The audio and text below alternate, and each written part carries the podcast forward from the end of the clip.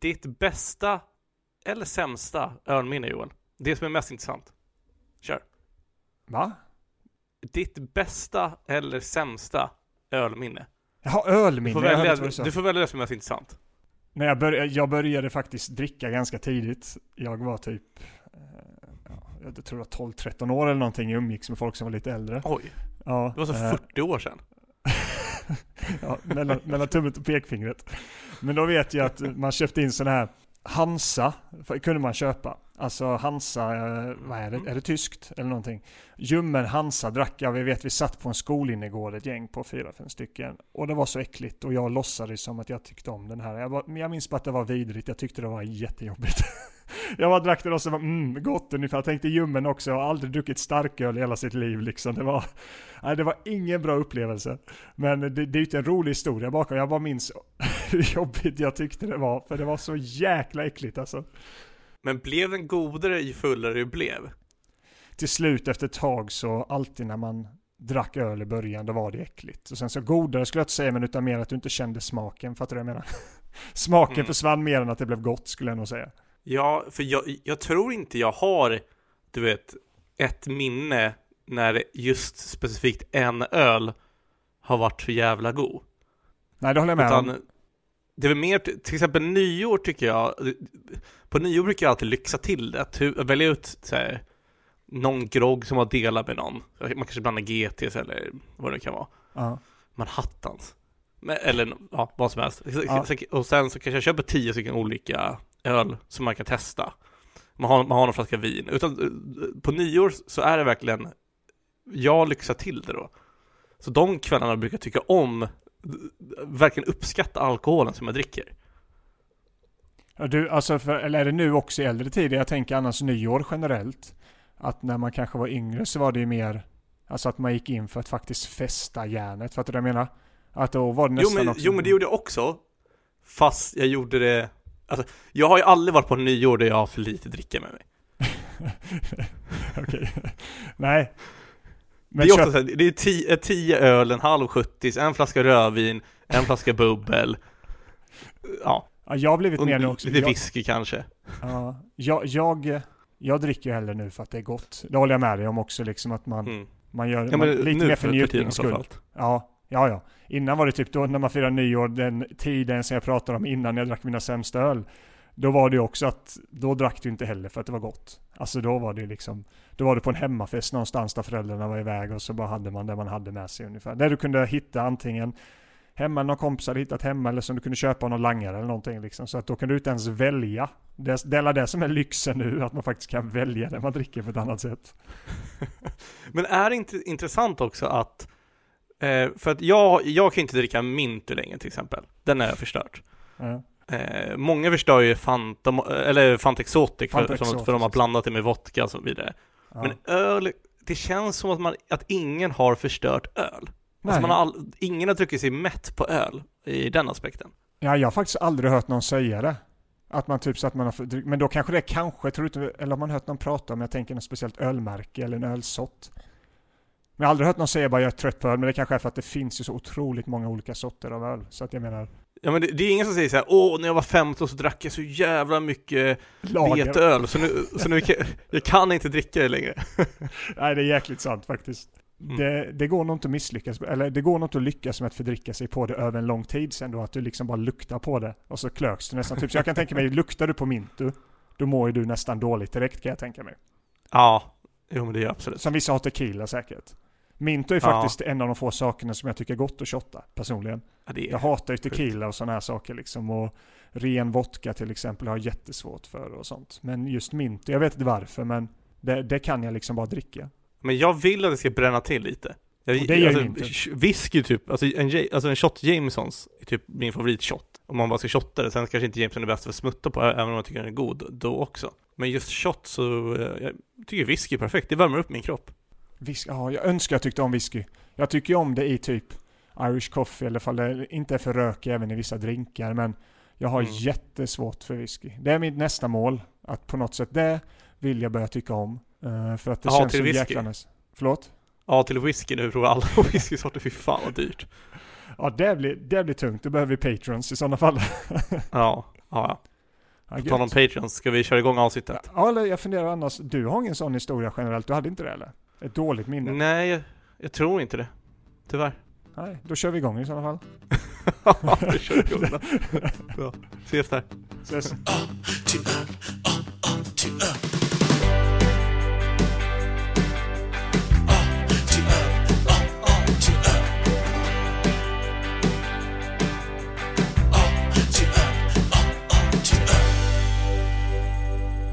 Hej och välkommen till ännu ett nytt avsnitt av A till öl. Podden där vi provsmakar alla öl i Systembolagets standardsortiment i bokstavsordning. Mitt namn är Joel och med mig har jag som vanligt Fredrik. Hur är läget Fredrik? Ja, det är sjukt taggad. Du är mer taggad idag än du var förra veckan i alla fall, det ser jag ju på dig. Ja, ja, men jag menar på den här ölen. För vi avslutade väl med att jag sa att jag var sjukt taggad på den här ölen och du sa att jag var orimligt taggad på den här ölen. Ja, ja, men jag menar du, du känns ju mer energi, man bara höjde rösten på dig idag. Jag vet inte, beror det på Ja. att förkylningen är borta eller för att det bara är ölen? Förkylningen är borta tror jag framförallt. Och att jag druckit kaffe. Så riktigt bra mix och sen en bra öl på det också. Världsklassigt. Ja, Kul! det vet vi inte än. Nej, absolut. Eh, vill du berätta vilken öl det är då? Ja, den här äh, veckan har vi kommit fram till ölen som är bryggd av Back Your Bro, deras Bumblebee 17. Eh, det är alltså en, det är en petflaska på 33 centiliter som har alkoholhalt på 4 4,7 procent och kostar 12,90 på Systembolaget. Etiketten har lite så här Cuphead-aktig känsla, om du känner till spelet Cuphead. Nej, nej jag kan ju se, när jag ser det så förstår jag vad de menar. Men eh, finns det Mm. någon liten historia bakom det eller? Eller vad är grunden till det? Cupheaden? Jag tror Cuphead är- var lite känd för att vara det svåraste spelet som fanns då på sin tid, eller någonting liknande. Det var väldigt svårt att klara av, eh, har jag för mig. Det var ganska länge sedan. Nu finns det ju andra som, typ som Dark Souls och liknande som har tagit den, den där tid, eh, den tiden. Men ska vi provsmaka? Mm. Den är god tycker jag. Ja, alltså det är ju en eh, ljuslager i modern stil slash en Indian Pale Lager. Ja, har du forskat någonting Vad- i det? vad innebär det? Ja, men det tråkiga här är att en Indian Pale Lager är ju typ precis som en lager, mer eller mindre. Och eh, Systembolaget säger bland annat att, eh, att en Indian Pale Lager som är lagens svar på IPA, det vill säga Indian Pale Ale, Mhm. eh, alltså det, det kom under 2000-talets början, så det är ganska nytt. Och den är mer humle eh, aro, aromatisk än annan lageröl. Och ofta används det amerikansk humle, och kommer du ihåg till exempel Mosaik, humlen, Ja, används. Och Simcoe, tror jag uttalas. Eftersom stilen kommer från USA, just den här. Och det var en annan som, som beskrev lite att eh, i början på 1900-talet, eller 1800-talet blir det såklart, för det är på engelska som jag översatt, så blev det, alltså ölen blev eh, uppdelad mellan lager och ale. Och skillnaden var, är det som jag pratade om innan, att eh, lager så, så sker ju själva lagringsprocessen kall, och den jäser kallt, medan under ale eh, så jäser det varmare. Så lager har ju generellt oftare en mer, eh, en clean and crispy beer. Vilket, vilket jag kan förstå 100% för Ja. den är verkligen mer krispig lageröl. ja. Medan ales, alltså IPAs och andra ales, är ofta lite fruktigare Mm.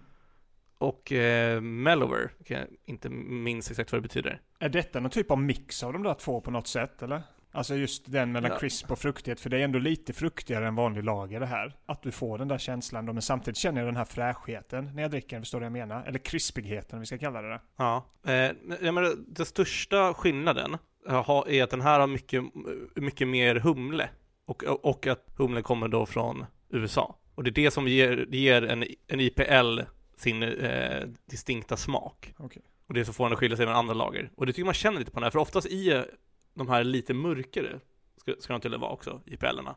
Men har du, för att just den här ölen i sig läste jag att den är torrhumlad. Vilket in, jag tror det är någonting med att man tillför extra humle, typ när ölet står och jäser eller något sånt här. Ja, skillnaden mellan egentligen alltså torrhumle och, eh, eh, och den andra, vad vad säger man då? Våt humle, är att när det är torr lägger man till det mycket, eh, väldigt sent i själva bryggprocessen. Okej. Antingen under då ferm- fermentation or conditioning.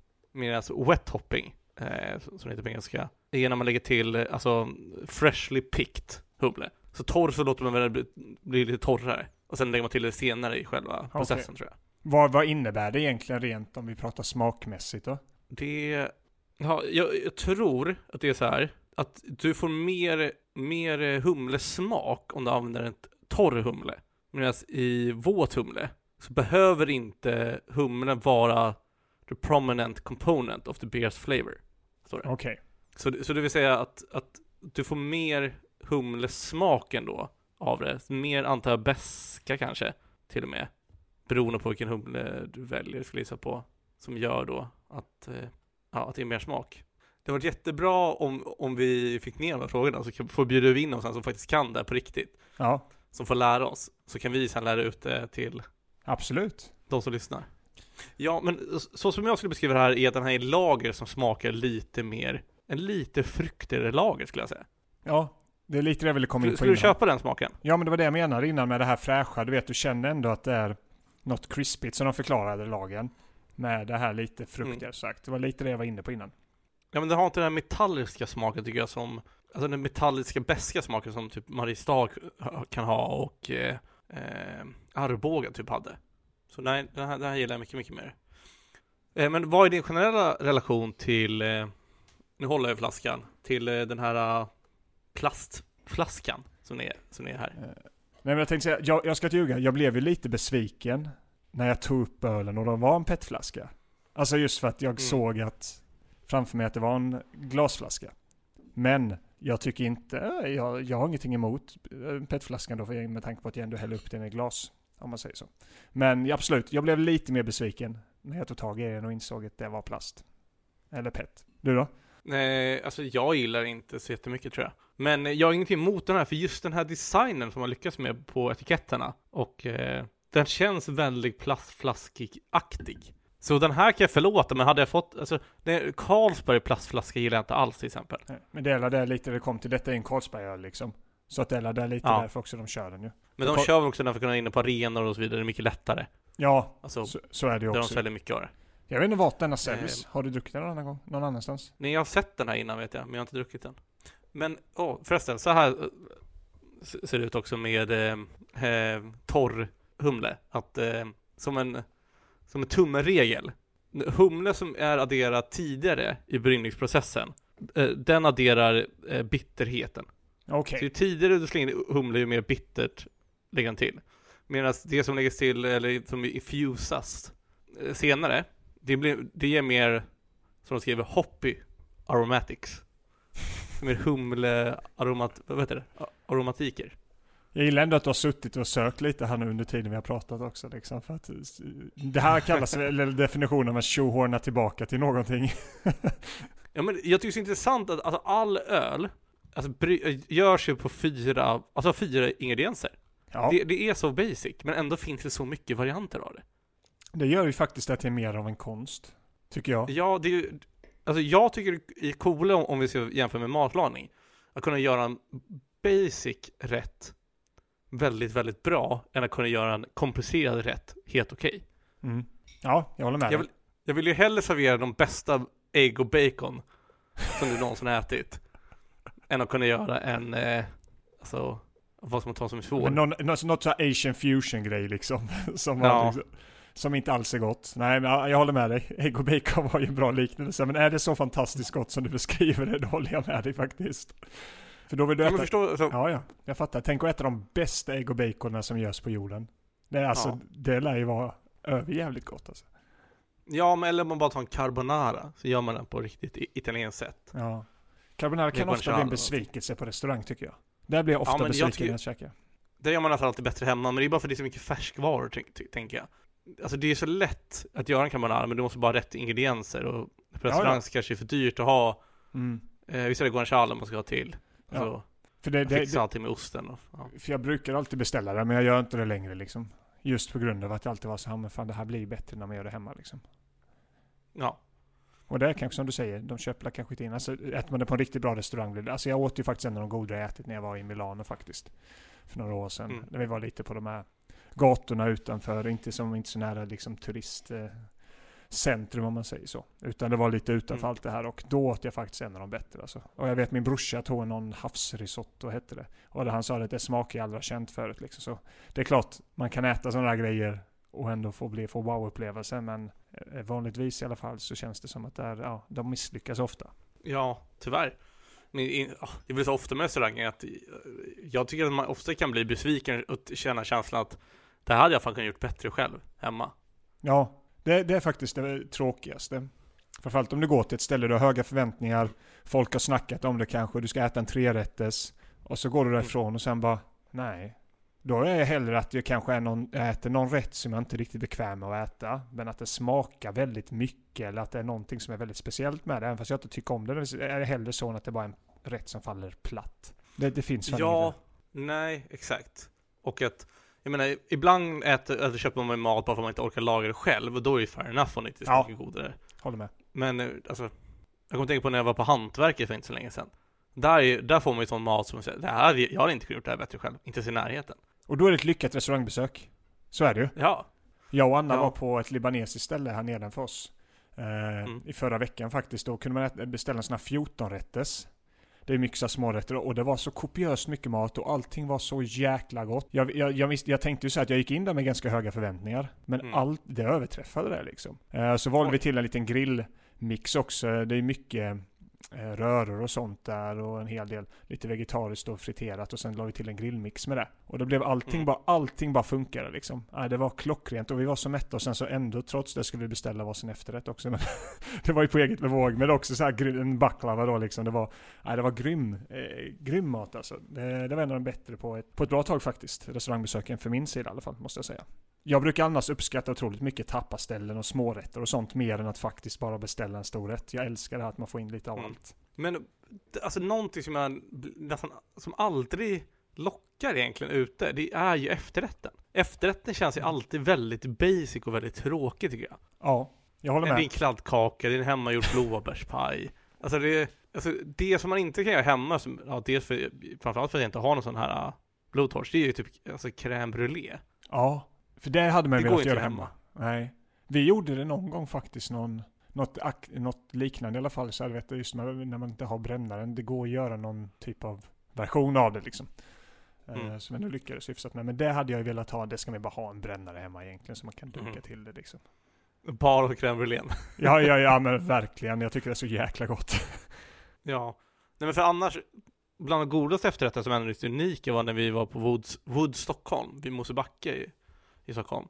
Där så serverade de någon sån här basilikaglass och massa andra saker till, någon sån här kex och saker på det, och så många olika ingredienser. Men just det, basilikaglassen låter så out of context för mig. Och den Ja. var helt otrolig. Ja, det funkar kanske. Det är lite som så här, du vet, basilika-drink som finns på Asian Post Office här i Stockholm. Den är ju typ blivit, Mm. alltså den är ju jättestor så folk snackar om den liksom så här. En drink som Ja. liksom ändå, den är, den är väldigt god. Eh, men den blir väldigt hypad. Jag kan tänka mig lite samma sak där basilika liksom, man har det lite som grunden i det hela liksom. Det låter ju festligt med basilika basilikaglass, men vad var det mer liksom? Nej men det var någon så här, men det var någon kexkrispaktigt. Och så var det någon sorts kräm till, jag kommer inte ihåg exakt vilka smaker det var. Eh, för det var ett tag sedan. Men just basilikaglassen kom jag ihåg att jag var såhär, jaha, intressant, okej, wow. Eh, det här lär inte vara så gott. det var hur gott som helst. Nej, för det vill man ju testa då. Ser jag det, då testar man ju den. Ja. Ja. Annars, kan, på tal om glass, så kan jag tipsa om eh, Järla glass, som de säljer på Coop nu, säkert fler ställen. Eh, som, som, har, som har deras saffranssmak. Du, på tal om det. Åt saffranglass hos någon kompis. Eh, och det var fan en av de godaste glassarna. Det var riktigt gott alltså. Som jag gjort egen, helt egengjord då. Så vi tog hem receptet nu faktiskt. Anna har gjort det själv. Alltså det är brutalt gott alltså. Men, men det är ingen glassmaskin heller va? Ingen glassmaskin här.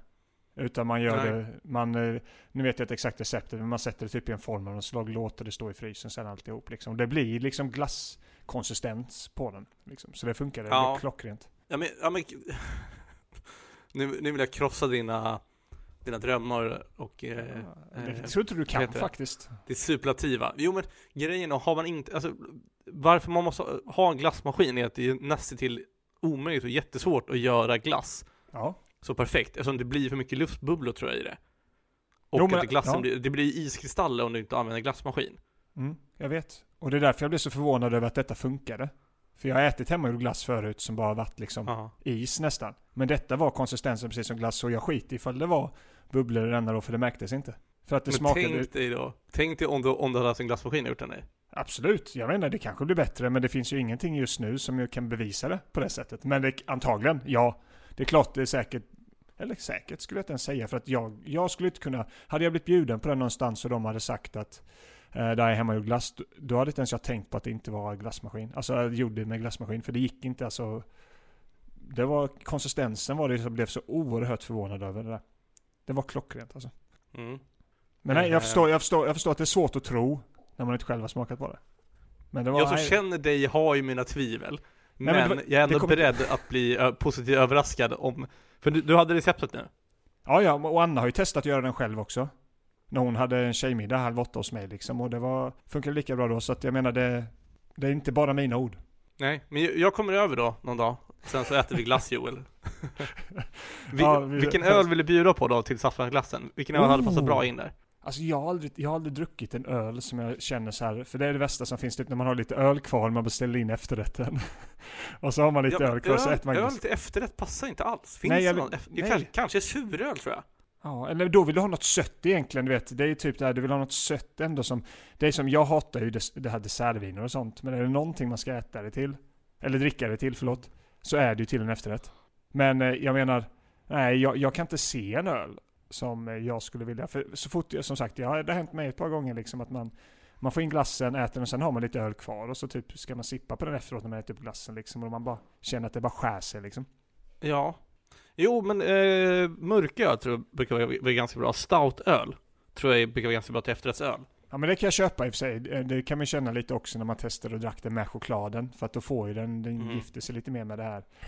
Eh, med det söta helt enkelt. Även fast mörk choklad är inte supersöt. Men det är ändå, det finns en Nej. viss nyans av det ändå. Som stout, ja kanske. Ja, det kanske är värt att testa. Finns det någon stoutglass? Det vet jag inte faktiskt. Men jag, men jag kan tänka mig verkligen om mörköl, jag kan tänka på om det är någon som har druckit. Men generellt så är det som du säger, man vill inte blanda det beska som öl ändå är med någonting sött. Men med det sagt, alltså jag är hellre typ alltså rostade mandlar eller någonting sånt där saltsött i så fall. Eller bara salt i sig, oliver eller eh, vad heter de här jättegoda nötterna? Någonting på M? Macka... Macadamia? Macadamia? Inte de sådana? Ja. Macadamia? Ja nötter eller vad de heter. Sådana är ju otroliga ha till, till tycker jag. Som är lite fettigare. Lite fettigt salt. Mm. Men tittar man på den ölen på, och på den här uh, etiketten, alltså det här känns ju som en sötare efterrättsöl. Den här uh? Bumblebee Ja. 17. Ja, sant. Varför heter den Varför heter den Bumblebee 17? Eh, Jag önskar att det fanns en bra historia bakom det. Det verkar ju inte göra det. Eh, mer än att det faktiskt är en Carlsberg har bara bestämt sig för att nu ska vi försöka sticka ut med en öl ungefär. Så har jag fattat det som att man gör för att man lite Ja, är det Carlsberg som äger den här? De startade Carlsberg Falcon. Alltså, jag, jag ska läsa faktiskt en ganska rolig, det finns ett litet blogginlägg om detta från en sida. Eh, Kör. Eh, som jag ska läsa sen. Men jag tänkte bara snabbt dra lite kring det, för jag kommer inte dra, eftersom det är Carlsberggruppen, vi kommer komma till Carlsberg när vi har de ölen, så det känns lite så här, det vill jag inte dra nu alltihop och göra det sen igen. Nej. Eh, Nej. Tänker jag, men det är ett experimentbryggeri i Falkenberg, eh, Backyard Brewery då. De kallar det typ så att detta är en plats där bryggteamet där de får utlopp för sin kreativitet och experimentlusta. så denna, Ja. detta är en bakgårdsbryggerisöl kan man säga. Och eh, bryggeriet tillhör Carlsbergsgruppen. Och som sagt, jag tänker vi spara just historien kring Carlsberg för det kommer vi ha flera, flera avsnitt om sen höll jag på att säga. Men i alla fall ett stort. Sen så är det, alltså Carlsberg äger ju en hel del olika öl. Men den släpptes i alla fall 2013 så nästa år firar de ju 10 år. Mm. Och ja, jag har inte så supermycket mer roligt kring detta mer än då jag tänker att jag drar den här recensionen. Eh, så får vi ju se hur det landar. Jag tycker, jag tycker den beskriver lite, för det är lite så här, lite hat mot kapitalism. Eh, och, och ändå så här liksom att Carlsberg inte riktigt kan stå för att det är en Carlsbergöl. Så jag gillar lite hela den grejen. Så jag tänker jag läser denna ord för Mm, ord helt kör. enkelt. Oh, jag ska ta en liten klunk vatten här bara för att fukta mina läppar nu när man har druckit lite. här. Nej, inte en klunköl. Nej, jag kände att en klunk vatten satt den gjorde. Eller satt den skulle menar jag. satt den gjorde. Men, då börjar jag. Backyard Brew är Falcon slash Carlsbergs hittepåmärke ägnat åt att erövra det retfulla procent av den svenska ölmarknaden som de danska bryggerikapitalisterna inte redan har lagt under sig. Systembolaget är nu för tiden fullt med öl från jättar som Spendrups och Carlsberg som är skapade för att efterlikna öl från mikrobryggerier trots att det tillverkas i stora volymer med stor marknadsföringsbudget och liten originalitet. Det är ungefär samma sak som när JC säljer kläder med tryck som med rätt sorts fantasi kan sägas efterlikna det på kläder representerande amerikanska universitet och deras idrottslag. Massproducerad unikhet. Personligen tycker jag inte att det är något fel med att köpa en öl från Carlsberg, men tillräckligt många tycker tydligen därför att bryggeriet ska vilja kalla sig något annat ibland. Det förändrar dock inte att Bumblebee 17 är en Carlsberg. Så denna öl från Carlsberg har en gyllene Carlsbergfärg och ett ganska friskt Carlsbergskum. Smaken är relativt Carlsbergsbesk, men med viss smak av Carlsbergshumle. Även om Carlsbergslöftena om kraftig Carlsbergshumlesmak är klart Carlsbergs överdrivna. Detta är en ganska Carlsbergig Carlsbergsöl. Viss Carlsbergsfrukt. Carlsberg. Alltså jag, jag kan hålla med i allting. jag tycker det är klockrent. Alltså, jag köper det på något sätt att det här försöker man ju liksom bara hitta, ta sig in på marknaden med en liten mer spännande öl än vad det egentligen är. Och de lyckades med det, att, med att du skulle bli jäkligt taggad på den till exempel. När vi läste om den förra innan ja. du visste liksom var den var ifrån och så. Den känns ju väldigt indie liksom. Men det känns ju som att den, är, alltså, den har designat sig själv som en IPA, men det är en, en IPL. Ja. Och jag håller faktiskt med, den smakar fan väldigt mycket som Carlsberg. Jag kunde inte sätta finger på det innan. Jag undrar, hade man känt skillnad på den här och en Carlsberg bredvid varandra? Ja, ja, ja, ja. Den är ju, det är ju, det är ju mer karaktär i denna, det är det ju. Det är ja. lite mer fruktsmak, men, men alltså man känner ju alltså, det är ju mer åt lagerhållet skulle jag ju säga ändå. Det är lite mer, påminner lite mer typ om de här lagren av lite karaktär, vad heter de här? Åh, oh, nu får jag totalt hjärnsläpp. Nej, Pistonhead tänkte jag på. Det påminner lite om de här Pistonhead lite i smaken tycker jag. Ja, jag är inte jättestort fan av Pistonhead. Bara deras eh, Haze-lager. Haze, ja precis. svart, svart-orange. Ja. Det andra tycker jag, nej, det andra gillar jag inte så mycket. Men, eh, jag vet inte, alltså den, är, den blir ju ganska tråkig ganska snabbt den här ölen. Ja, alltså sen är detta en öl som jag tror jag personligen hade kunnat dricka flera av denna. Alltså ändå så, den är ganska lättdrucken. Ja, lättdrucken exakt. Men det, men det är väl också därför de säljer typ sådana här på konserter och sånt tänker jag. För den är ju väldigt, det är ju en vattnig öl. Det, det, det kan man inte sticka under stolen. Ja, ja de alltså, den, den är god tycker jag i den aspekten att, att dricka den en måndagkväll liksom. Eh, ja. Men det är inte en öl som jag skulle ta på en ölprovning. Nej, men det är, är det någon lager egentligen du hade tagit på en ölprovning? Ja, jättebra fråga. Kanske en mörk lager? Ja, men okej, vi snackar ljuslager då. Ja, ljuslager. Nej, det är fan få ljusa lager. Men det, men det är bara för att de, det känns som att de, deras jobb är inte att ha karaktär. Deras jobb är bara att, men kanske eh, Asahi, eller vad den hette, japanska ölen. Tycker du? Eller, eller, okay. eller en pilsner, alltså Urkel hade jag kunnat ta med. Bara, bara för att känna skillnaden. För alltså, på en ölprovning är väl tanken att man ska känna skillnad med olika typer, inte bara smaka det som är godast rent betygsmässigt. Exakt. Det är lite det som alla grejer, du ska lära dig också känna igen smaken och sånt. Vi har ju snackat om det, vi borde göra, ta tag i det snart och faktiskt gå på en ölprovning du och jag. Jag föreslår det nya Carnegie-bryggeriet som jag uppskattar väldigt mycket och bor mm. relativt nära. Ja men är, du föreslår det mest för att du bor väldigt nära det tror jag. Nej men det är för att jag hade en kompis som har varit där, som tipsade om det. Ja, men det tycker jag vi ska göra någon gång. Ganska ja. snart kanske till och med. Också för att de känns lite... Jag ogillar ju de här för stora företagen, typ som Carlsberg och liknande. Men det, fin det finns ingen charm med företag som är så stora. Nej, alltså. Jag håller med till viss del. Eller en charm, det kan finnas charm i företag som är stora tycker jag. Det håller jag inte med. Men just i det här, ja, de, de, köper, de äter ju upp marknaden på det sättet liksom. Men säg ett stort företag som, som du finner charm i. Ja, jag personligen tycker Apple är charmig. Tycker du Apple är charmigt? Ja. Eller gillar du Apples produkter? Ja, utesluter det ena eller andra? Ja, definitivt. Det tycker inte jag. Jag, jag gillar O'boy, men Nestle alltså, förstör ju byar från att sno deras vatten. Ja, nej men jag tycker, nej, jag, eh, sen är jag ju en av de här Apple-romantikerna lite. Alltså jag, jag, förstår ju också att folk hatar det där. Men dock försvinner ju originaliteten lite när det är det här stora. Sen kan du ha ett varumärke som tillåter eh, sina, om man säger, om du har ett paraply bolag då till exempel, där andra varumärken ligger under, att man tillåter de mindre varumärkena att göra sin grej. På något sätt så du inte ens tänker på att de tillhör ett större bolag. Som den här, hade inte vi vetat, hade vi bara köpt den här ölen vi dricker idag, jag tror vi hade romantiserat denna mer om inte vi läste på att den var från Carlsberg. Jag är helt hundra på det. Att ja men exakt, hade... men, men, mm. men, det, men det talar ju bara emot Carlsberg då. Ja, just alltså, det. Carlsberg-fallet, ja. Det håller jag med om. Det är därför jag menar att om man lyckas då och brygga denna utan dess, utan att liksom, eller sälja den här utan att få in Carlsberg-varumärket så kanske det hade lyckats bättre, ja. Men... Jo, Jo men min poäng är att det finns ju inget charmigt med, med för stora företag. Alltså, det, alltså jag har ju hellre att de små företagen äger sig själva än att det är stort företag som äger dem. Jo, i den bästa världen hade det ju varit så. Ja. Och tillsammans med Apple, för Apple är ju inte good guys direkt.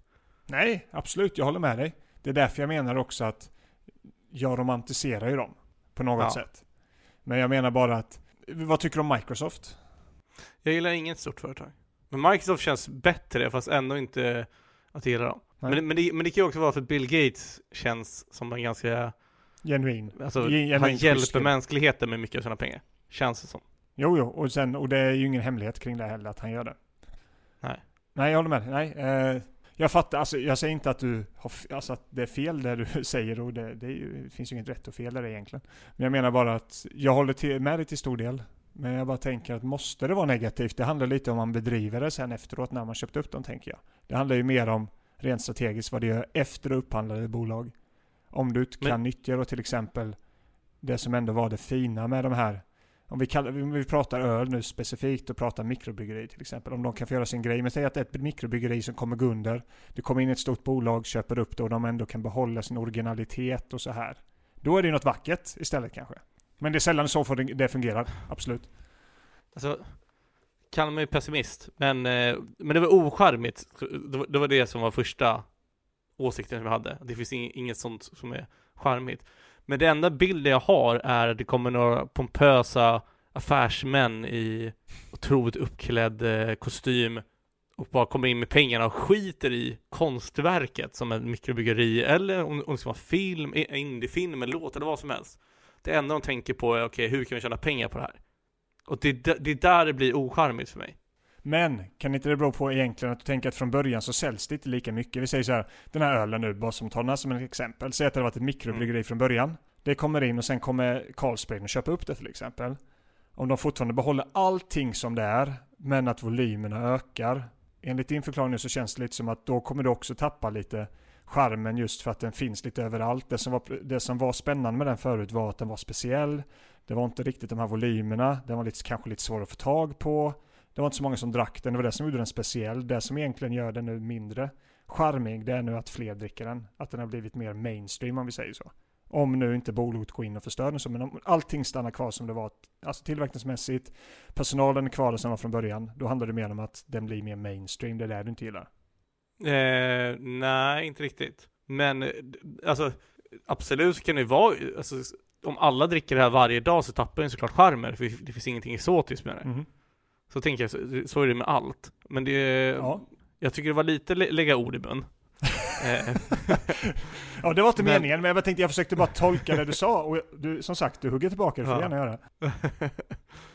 eh, så det tycker jag inte, men jag gillar inte när, när jag brinner för, alltså, det autentiska. Och det, jag ser inte det autentiska med ett stort företag som Carlsberg skulle köpa upp ett mycket, mycket byggeri, annat än att de själva ska tjäna pengar på det. Nej men det är klart du ska ju alltid känna, du kommer ju aldrig ha ett bolag med mål på att du inte tjänar pengar på. Du kommer aldrig göra en affär. Alltså, det är ingen som gör det. Att, att försöka få romantisera att du inte ska tjäna pengar som bolag, det är ju bara... Alltså det Jo, ju... nej, nej, men, nej, men det handlar om hur man väger upp det. De, alltså, de kan ju sälja ett varu, alltså sälja sig själv för att, för att tjäna pengar. Medan mikrobryggeri satsar mer på att göra en bra produkt och sen tjäna pengar på det. Alltså, det, det är inte svart eller vitt såklart, det, det förstår jag också. Men jag, jag uppskattar mer när målet är att skapa så bra och god öl som möjligt och sen försöka tjäna pengar på det, snarare än att försöka tjäna pengar genom att skapa en bra öl. Ja, absolut. Och det är där det problemet kommer in att du kommer alltså... Det är klart att den finaste av världar hade fungerat så du vill, men i grund och botten, tjänar du inte pengar så kommer inte företag finnas kvar. Det är det jag menar liksom att... Ja, men, Jag det- köp- ja, men det, ja. Jag har inte sagt att de inte, att de inte ska tjäna Nej. pengar. Nej, det är sant. Det är bara att hur man utgår från och vad man utgår från först. Att antingen gör man en bra öl som sen att man tjänar pengar på, eller så tjänar du pengar genom en bra öl. Jo, men alltså, menar, så mycket pengar som stora företag tjänar behöver de inte tjäna. Nej, alltså nej, många bolag absolut. De, eh, absolut. Och andra branscher som kanske till och med är mer än just ölen. Som Mm. tjänar snuskigt för mycket, absolut. Det kan jag hålla med. Som andra ord, Men då kommer vi in i helt andra diskussioner. Nej, det, det håller jag inte heller med om. Ren Det finns olika grader av det. Det finns olika grader av det, absolut. Ja, definitivt. Men ja, kul. Men ska vi betygsätta den här skiten eller? Nej jag skojar. Ja, har du, alltså du gick från att vara så supertaggad på den här ölen till att... Uh, vad känner du? Kommer, kommer det här dra ner betyget mot vad du tänkte? Jag vill höra, vad, vad ger du ölen för betyg? Nej, men det är det som jag tycker är lite roligt med marknadsföring är ju att den kan verkligen få ens verklighetsbild att bli helt felaktigt förankrad. Ja. Till exempel, ta Carlsberg. Man, jag är ett, på grund av att Carlsberg har haft en otrolig reklam, probably the best bla bla in the world, eh, så har jag fått mig att tycka att Carlsberg är, är sköna. Ja. Men det är ju antagligen inte. Eh, tyvärr. Jag, jag gillar ju designen på den ölen. Jag tycker det är väldigt tilltalande att det är plast. Och jag skulle inte ha några problem att köpa den här, men jag tycker inte att den är så rolig som jag... Den, den var inte så rolig som jag trodde att den skulle vara. Men var det upplevelse mer kring att det faktiskt var en Carlsberg? För jag tycker ändå det var en god öl. Alltså, det tycker jag. Nej men det alltså, gör inte så jättemycket för mig ärligt talat. Alltså, Det gör inte det? jag, bedömer, jag bedömer produkten. Jag, bedömer verket, inte personen. Ja, Okej, men du gör det. Det är bara det jag undrar ifall du gör, eller ifall du utgår Mm. lite nu från att liksom, uh, nej men nu när du vet att det, du, du lät ju betydligt tagga, mer taggad innan du visste att det var en Carlsberg-öl. Ja men den bjöd inte på så rolig spännande smak ändå. Som jag trodde Ja, den du skulle göra. dig mer då. Mm. Så jag fastnar nog på en 3 av 5 ändå. Mm. på den här. Eh, jag menar, ska jag köpa en lager så kommer jag köpa en annan lager än den här. Tror jag. Så, den här köper jag om det finns ett väldigt eh, begränsat urval i så fall. Om du sitter Eller om det är nice att ha med sig plastflaskor. Till stranden hade jag definitivt kunnat köpa mer än här. Ja, för jag tycker, det är en, det, jag tycker den är lite roligare än att bara köpa kanske en Carlsberg Export till exempel. Då Mm. kan denna Men vara lite schysstare. Jag måste ändå jämföra lag mot lager. Till exempel 1664 lager på flaska köper jag mycket hellre än den här. Ja, fair enough. Men, he- alltså, slutgiltig bedömning är att den är he- helt stabil öl. Du då? Jag har sagt, alltså det är inte mycket till historia här vid, så den kommer inte höja upp den. Eh, det kommer den ju inte göra. Eh, precis lite som du säger också. Men jag gillar designen på den. Jag tycker den, jag tycker designen motsvarar smaken på något sätt, tycker jag ändå. På det sättet att den är lite en speciell lager. Eh, på det sättet. Men det är ju ingen IPA, om man säger så. Tycker det funkar, med, även fast jag var lite besviken på plastflaskan, tycker jag det, det funkar ihop, lite som du säger också, med etikett och alltihop så rullar det ganska fint ihop ändå. Eh, jag accepterar ändå det. Och smaken som sagt, jag tycker den är god, stabil smak. Jag vill också ge den en trea. Faktiskt. Jag tycker det är en stabil lager. Som Mm. jag hade kunnat dricka liksom. Som du säger, ta med den till stranden. Lite roligare än att bara köpa en vanlig ljus liksom. Så Mm. nej, en stabil trea från mig också. Och Untapped har exakt samma betyg. Den har Typ det. tre. Alltså vi, vi börjar bli riktigt bra på att betygsätta öler alltså. ja, men om, om, om vi vill tycka som den stora massa som använder Untapped. Sant. Men se, är det första gången vi sätter något exakt lika? Nej, vi har alla ryck hade vi en fyra båda två också. Och 1664, den första flaskan där. Ja. Kul ändå. För vi har varit lite de- uppdelade ett tag där. Ah, vi är dåliga på att lägga in våra betyg alltså. Och jag är lite sämre än dig. Ser jag okej. i våra listor. Vad sa du nej och Eh, till? Nu sitter vad på du? annat. Nu, nu fokuserar du på annat va? nej, jag fick ett jobb med det samtidigt. Som jag tror jag Ja, läsa. Skitsamma. Ja. Men eh, kul. Vad, nästa veckas öl Joel, vet du vad det är? Ja det är jag. Eh, Eller ja det är jag. Ja det vet jag du? menar jag. Men berätta gärna du. För det här, det här tror jag kan bli lite coolare ändå. Är det Det det? är två stycken IPA av Ballast Point.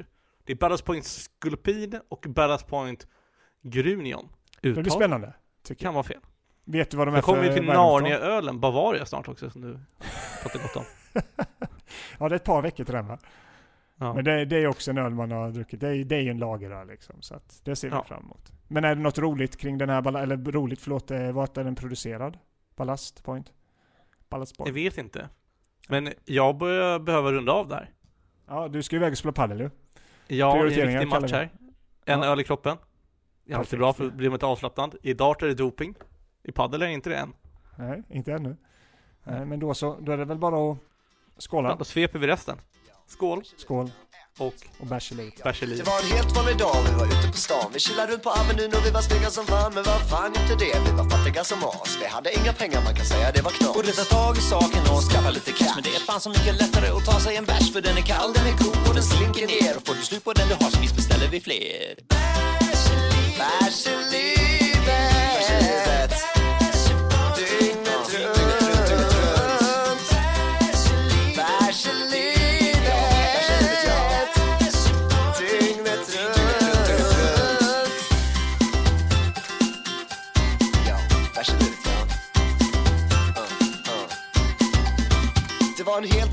Vi var bakis som fan men det enda som vi tänkte på var att bärsa på stan. Men vad fan gällde det? Puben öppnar klockan tre så jag får dricka kaffe. Och jag får dricka te. Borde ta tag i saken då och steppa lite cash. Men det är fan så mycket lättare att ta sig en bärs för den är kall, den är god och den slinker ner. Om du får slut på den du har så visst beställer vi fler. Bärs.